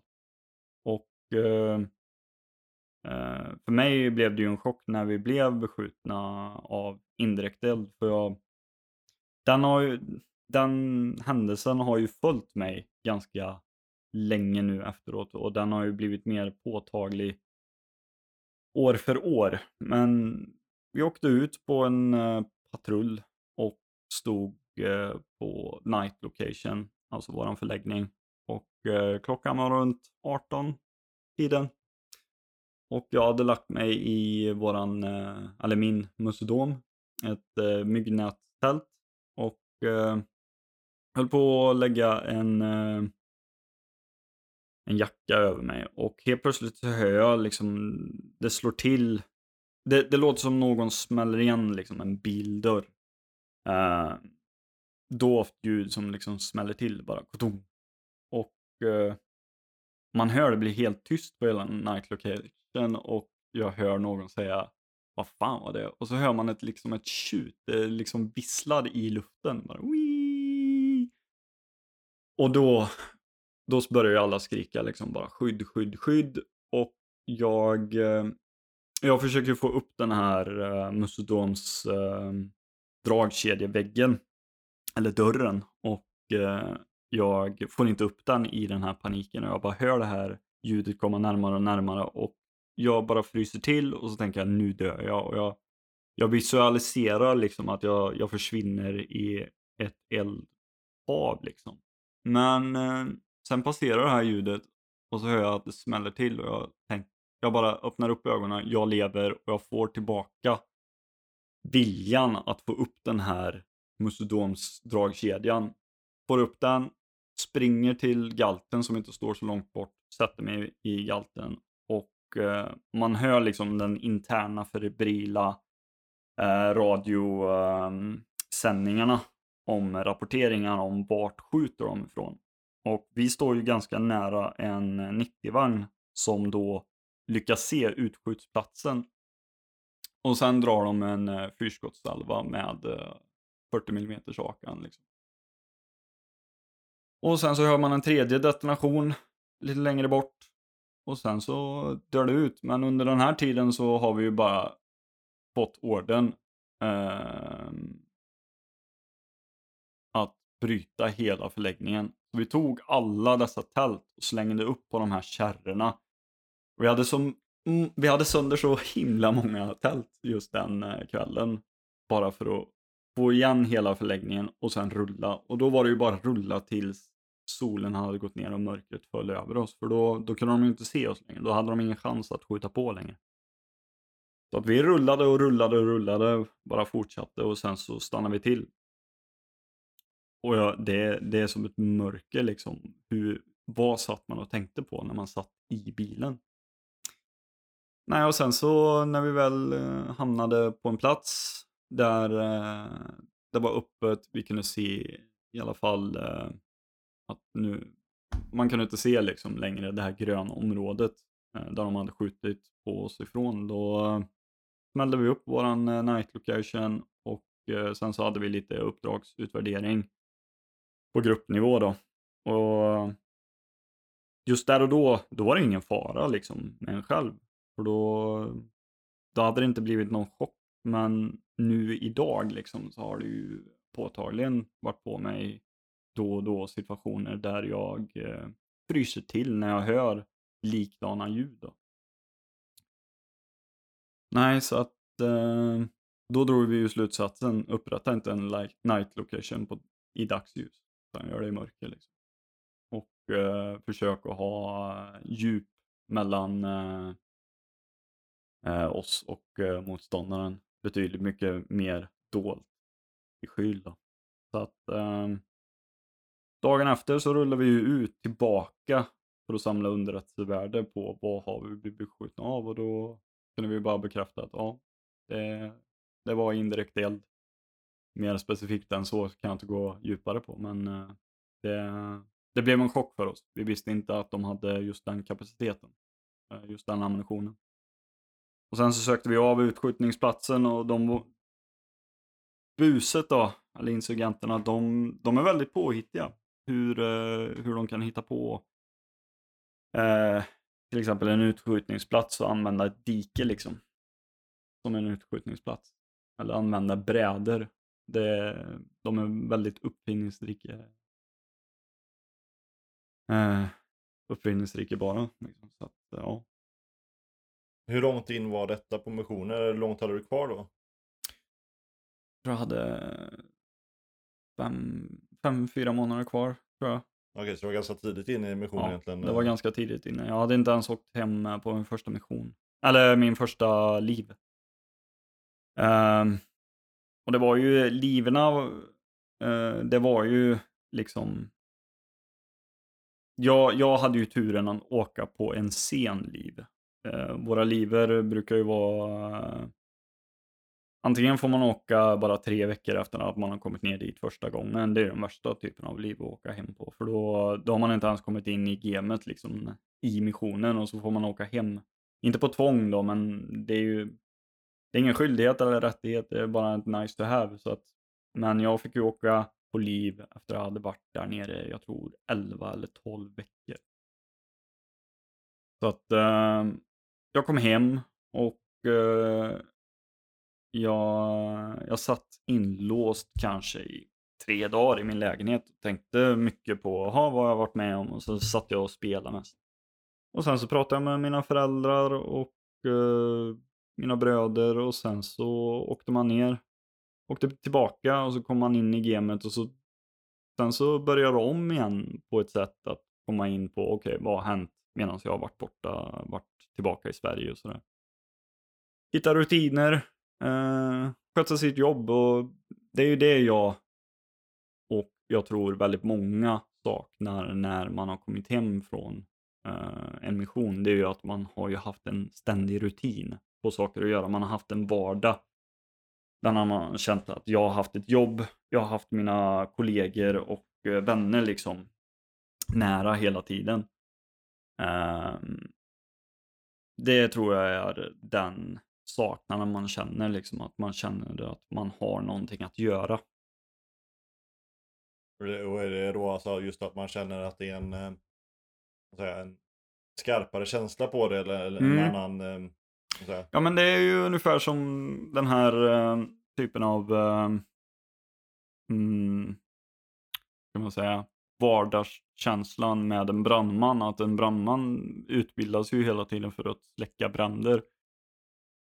Mm, men den vill inte bara hålla på och öva på den. Den vill ju till slut visa att kan jag just, uh, kan jag lösa denna uppgift med att släcka en stor eh, brandhärd liksom. Det är ju det den vill göra. Den vill kunna lösa just det man har utbildat. Och jag som då hade gjort eh, värnplikt och sen så NBG. Jag vill ju liksom sättas på prov. Och man kände ju liksom att man sattes på prov när man var på missionen. Eh, och det var ju det som blev sen den stora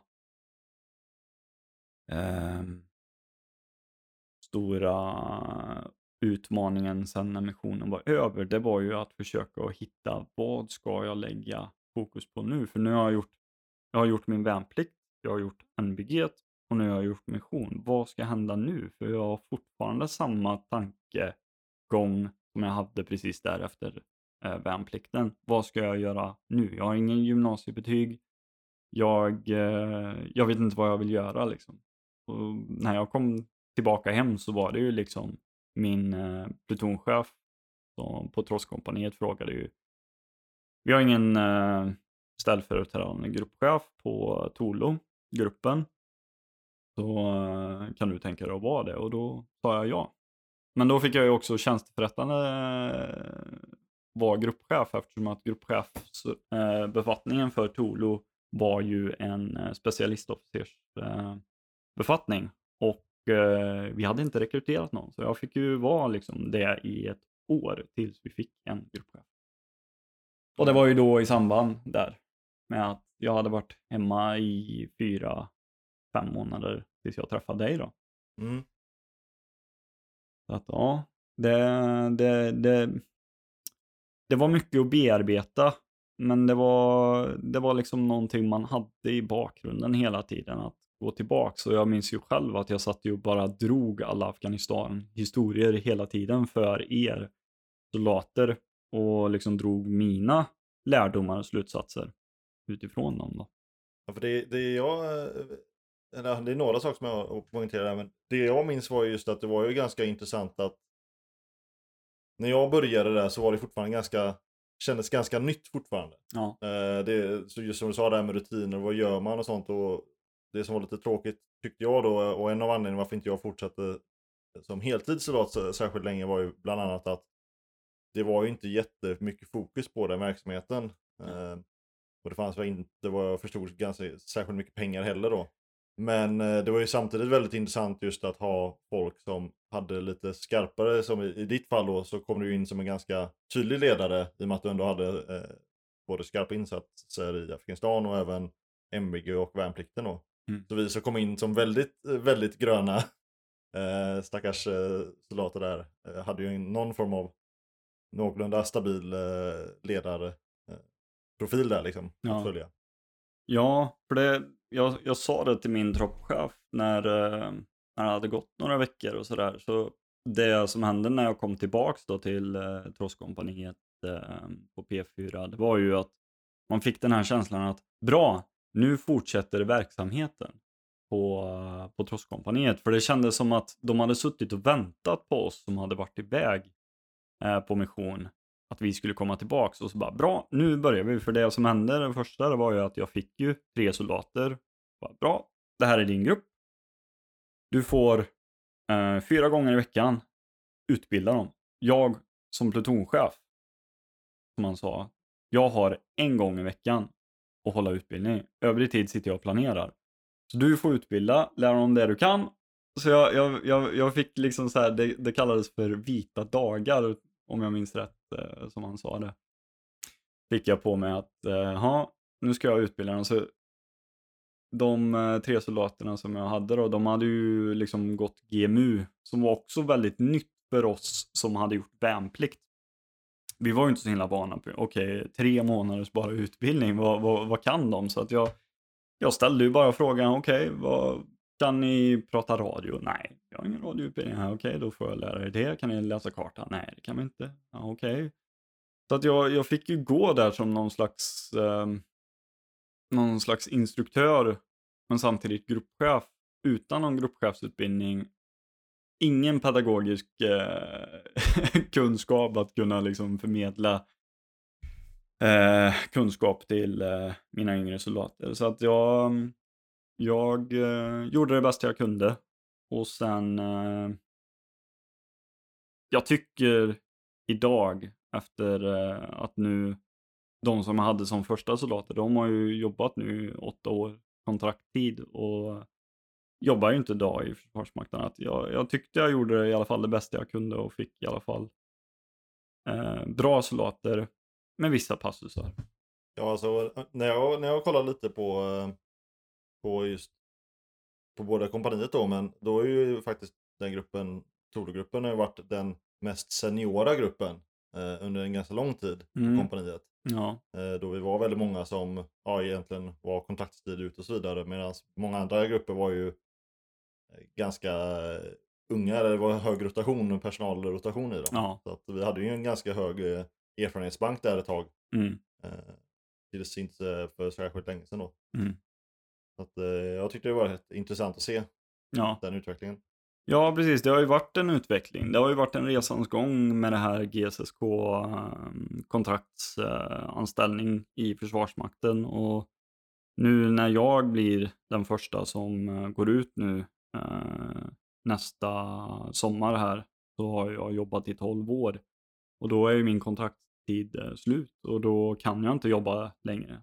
Försvarsmakten får inte enligt lag ha kvar mig och det är sorgligt, men det är ju som det är. Och jag hoppas att eh, eh, de i riksdagen i alla fall kan börja tänka till att vi ska växa nu som eh, försvarsmakt.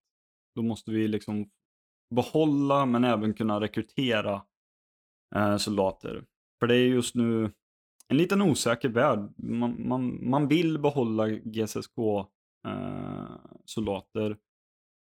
Men man vill även ha värnplikten. Det, det, det är återigen det som vi hade där eh, 2010-2011. Det, det är igång igen nu att liksom försöka hitta de här rollerna. Hur ska vi bygga upp systemet? Så att det, det liksom det funkar som ett självspelande piano. Men det är svårt, det tar lång tid att hitta, hitta de här rollerna och eh, bygga upp ett samarbete. Det är det. Ja, för, jag tror ju lite att det, det är just det att som sagt att det, det har ju varit eh, några svängningar på ganska kort tid. Om man kollar militärt sett så är tio år en ganska kort period Ja. för militär verksamhet. Oh ja. Eh, och det har ju varit en två, tre svängningar liksom under den här perioden med hur man ska göra då och fram och tillbaka. Och just som du säger det här att behålla en erfarenhet Mm. eh, eller individer med erfarenhet och nyttja dem till, till att sprida vidare till exempel då. Ja. Eh, det är ju någonting som min uppfattning är att man, man har erfarenhet av när det kommer till officerare men Mm. inte, inte längre ner i, i graderna då. Nej, precis. Och det är kanske någonting eh, där man förhoppningsvis kan utvecklas lite. Ja, jag, jag, jag, jag tycker mig att vi, man, man bör som myndighet titta över eh, vad, vad kan vi faktiskt nyttja GSSK mer? Och nu, nu är det ju på förbandens egna nivåer att nyttja GSSK. Antingen att de löser den främ, främsta uppgiften är ju att ha beredskapsförband hela tiden stående, men även att kunna utbilda värnpliktiga och det är ju det jag gör idag. Jag utbildar ju värnpliktiga på till exempel nu den här nyupprättade artillerikompaniet som eh, finns på P4, då, Nora Skogs kompani. Jag tänker vi kan ju gå in lite på det, för du, för du har ju ändå, sen du kom tillbaka från Afghanistan så har du ändå haft en roll, som jag har förstått det väldigt mycket, där du har på något sätt haft utbildning eller där du har varit en, en ledande roll om man säger så, gruppchef, du har agerat kompanichef någon övning eller Ja, det jag agerade kompanichefen eh, kort stund där på en övning, men även plutonchef har ju varit eh, tjänsteförrättande i eh, ett och ett halvt år. Eh, och det liksom, det har ju varit, det har ju varit problem i Försvarsmakten att kunna rekrytera men även behålla eh, anställda eh, soldater, men även officerare.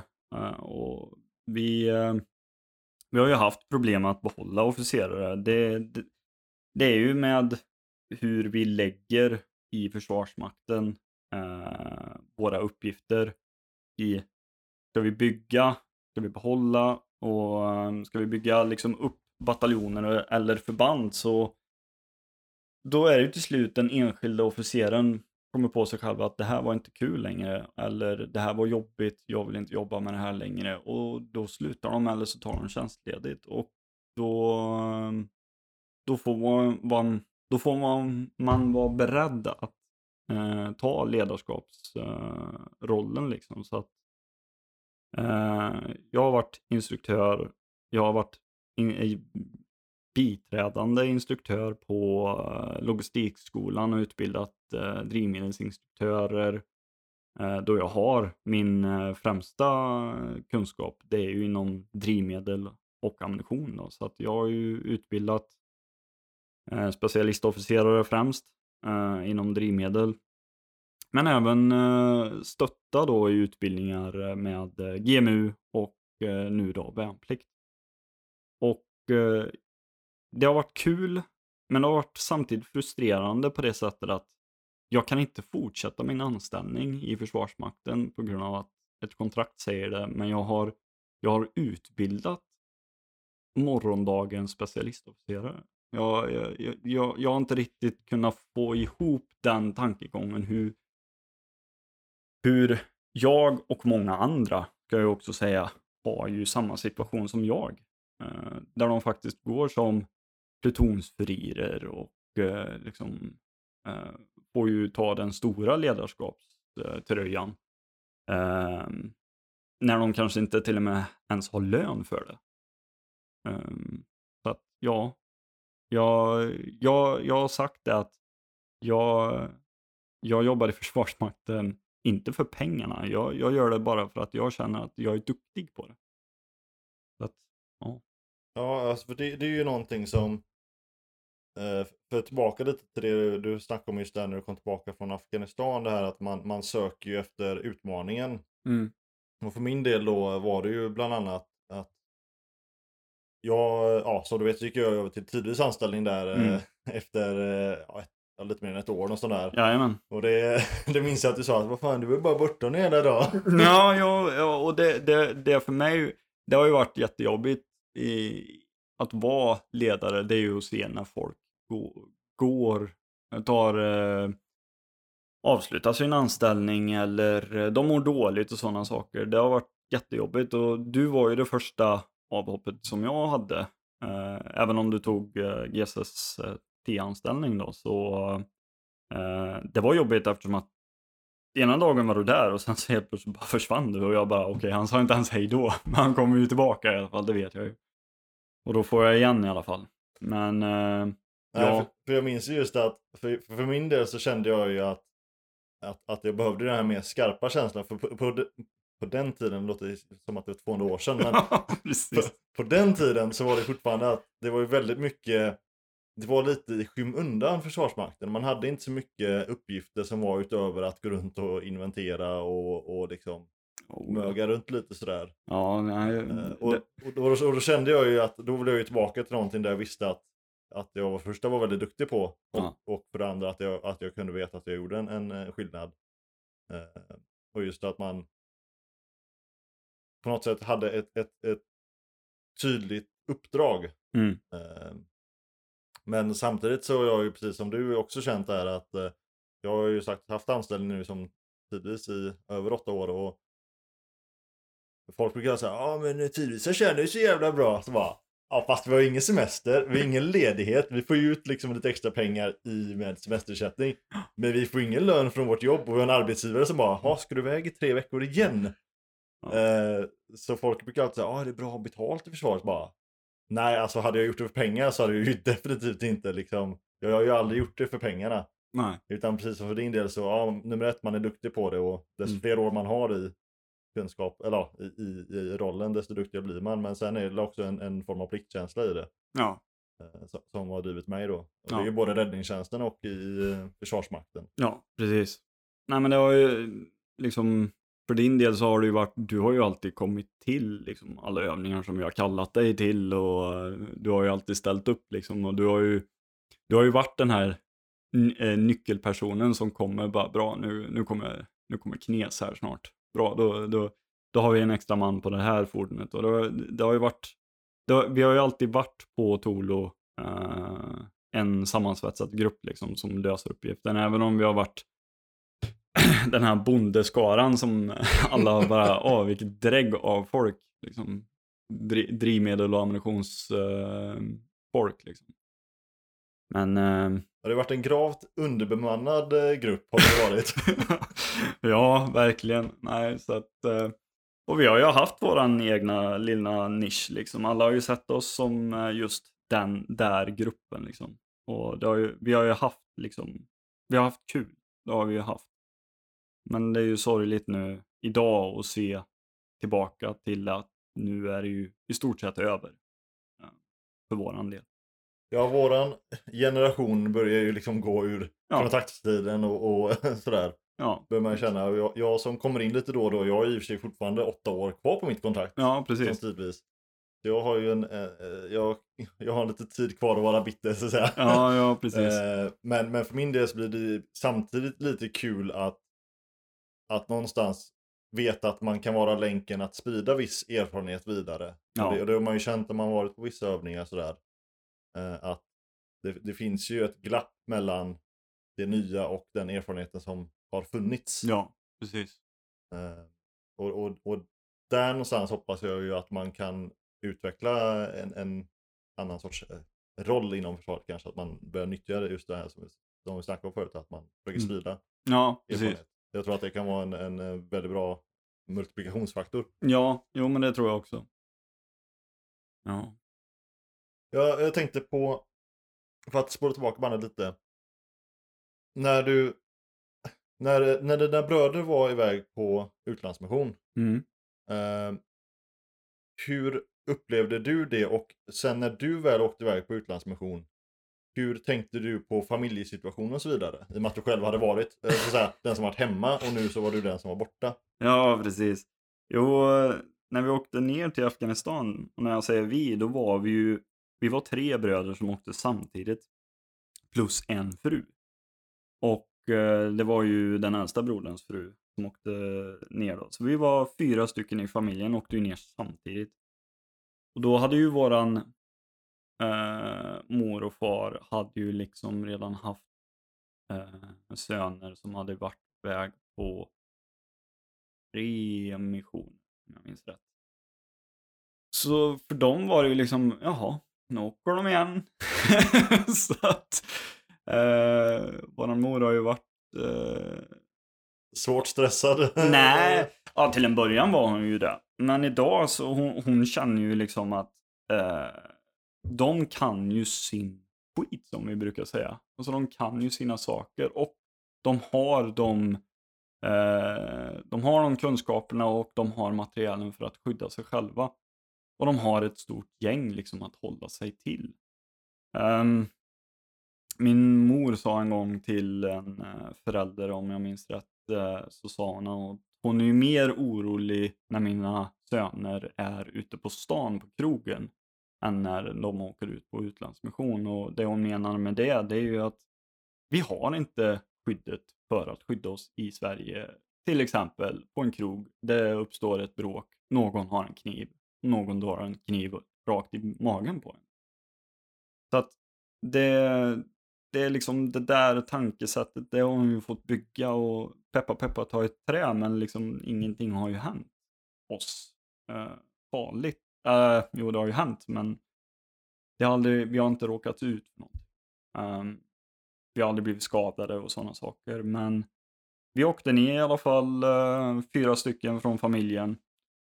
Och man hade ju stödet att kunna uh, gå till varandra och prata liksom om det var någonting. Det var ju en, en skön stöttepelare att kunna ha. Uh, sen var det ju ganska roligt att jag och en av bröderna Eh, och du är ju samma bil i en veckas tid. Jag blev underställd hans grupp och bara du ska köra hans bil. Och så satt vi i samma bil och jag tänkte det här är lite emot vad jag trodde var liksom rädda meningen Ryan-tänket liksom att man ska nog inte hålla två familjemedlemmar i samma bil i Afghanistan liksom. Men vi satt där och lyssnade på Johnny Cash liksom mellan monitor och CNL liksom. Eh, och eh, vi löste uppgift tillsammans och det var ju kul. När man är liksom med den åldersspannen mellan en liksom lille, den yngsta brodern liksom i familjen kör eh, en gruppchefsbil liksom.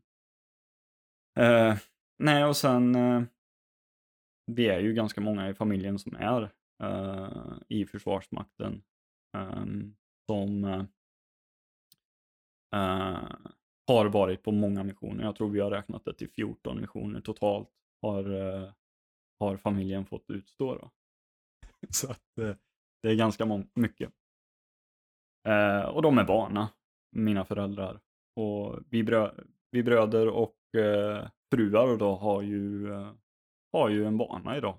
Att eh, eh, kunna prata sinsemellan, förstå hur situationen är. Att ja, ibland ringer de inte tillbaka till Sverige och pratar och för de kan göra det här eller det här har uppstått och sådana saker. Så att då, det finns liksom en rutin inom våran familj. Vilket är väldigt skönt att veta. Ja, jag tänker till skillnad från många andra som kanske bara har, ja, deras son eller dotter åker iväg på en mission och ja. det är en helt ny liksom rodeo. Ja, precis. Men eh, ni, som säger, om ni har 14 stycken så första två kanske var lite sådär eh, omtumlande då kan jag tänka mig. Men ja, eh, sen eh, får man väl in en ja, en rutin på det. Ja, precis. Ja, ja. Eh, avslutningsvis, är det någonting som, du tänker på? Nej, alltså det... Nu, nu blir det ju min nästa utmaning är ju att försöka hitta en, eh, en ny sysselsättning när väl min anställning tar slut. Och det kommer ju bli min nästa utmaning att försöka att hitta eh, någonting nytt att göra. Jag har ju tänkt väldigt mycket och det är, det är ju svårt att sova på nätterna. Det är det ju. Eh, man sitter och tänker på framtiden. För nu har jag ju gått igenom den här cykeln av att tänka hela eh, från värnplikt. Vad ska jag göra härnäst? Och sen så MBG, vad ska jag göra härnäst? Och sen efter eh, Afghanistan så, jaha, vad ska jag göra nu då? Och sen har det ju liksom bara fortsatt. Och ända sedan den dagen jag hoppade av gymnasiet och sen började eh, värnplikt och vid värnplikten inser jag att liksom, det här var jag duktig på. Att det här vill jag fortsätta med för att jag kände att jag var duktig på det. Och jag vill för en gångs skull kunna avsluta någonting i mitt liv. För jag, det var ju kantrat av att jag avslutade saker alldeles för tidigt och hoppade av gymnasiet. Vilket jag idag ångrar, men jag har ju försökt att läsa upp mina betyg, men det går inte för jag, jag är så... Jag är så... Uh, jag är så van vid den militära strukturen och rutinen. Att komma in i det, det som vi alltid säger i Försvarsmakten, det civila mörkret. Det är verkligen ett mörker för det, det, det är så ostyrt och allting styrs liksom att Nej men det löser sig alltid eh, liksom. Till, till exempel jag skulle läsa upp mina betyg, jag kom till lektionen, de hade bytt lektionssal skriver på den dörren till den lektionssalen man först skulle till. Nu har vi bytt lektionssal här istället, man går dit och så är det inte en käft där för då har de bytt lektionssal och inte sagt vart någonstans igen. Och då kände jag liksom, okej, okay, det här var ju strukturerat och bra. Och sen lärare som inte liksom, de har sin egna bild på hur saker och ting fungerar i världen. Och jag, jag kände till slut bara, nej det här funkar inte. Jag, jag, jag kan inte jag kan inte läsa civilt längre. Jag, jag är helt oförmögen till det.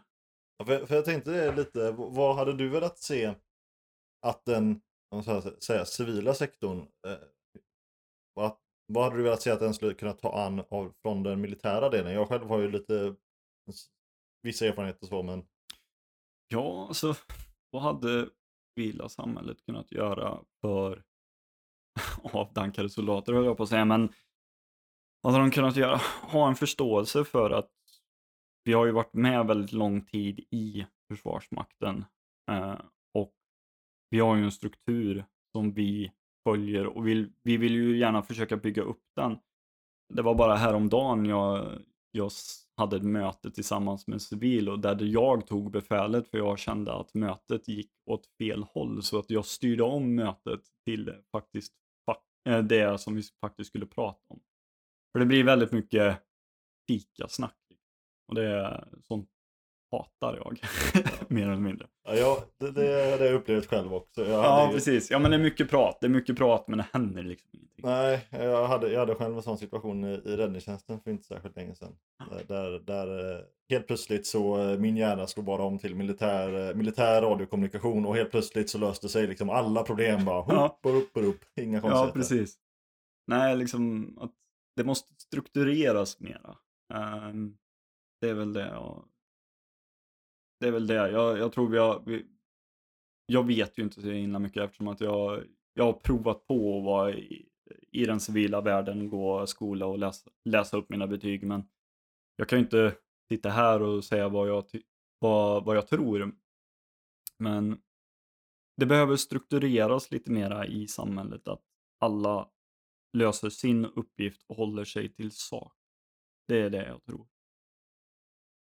Um, är, det, ja. är det någonting som du tror att, eh, att just, eh, om man säger så, veteraner och, eh, vad säger, ja, alltså utlandsveteraner och militära veteraner ska jag kanske säga då, ja. kan, kan ta med sig till den civila sektorn ja. den dagen de slutar eller den dagen de vänder sig dit då? Ja, precis. Alltså strukturera, struk, struktur i vardagen måste finnas.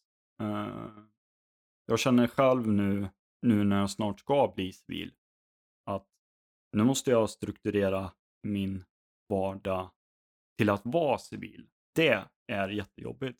Uh, jag har börjat mer eller mindre då jag bodde på en gård, liksom att försöka, försöka ta igen saker och ting. Som är, för militära har ju varit mitt liv i stora drag. Jag har ju liksom hoppade av gymnasiet, ryckte in och sen dess har inte jag tittat tillbaka på det civila. Liksom. Jag, jag tar hand om mina räkningar och sådana saker och eh, jag eh, liksom är en del av samhället men jag har fan aldrig tittat på det civila överhuvudtaget. Jag har bara liksom fokuserat på det militära och det är jättesvårt att komma tillbaka.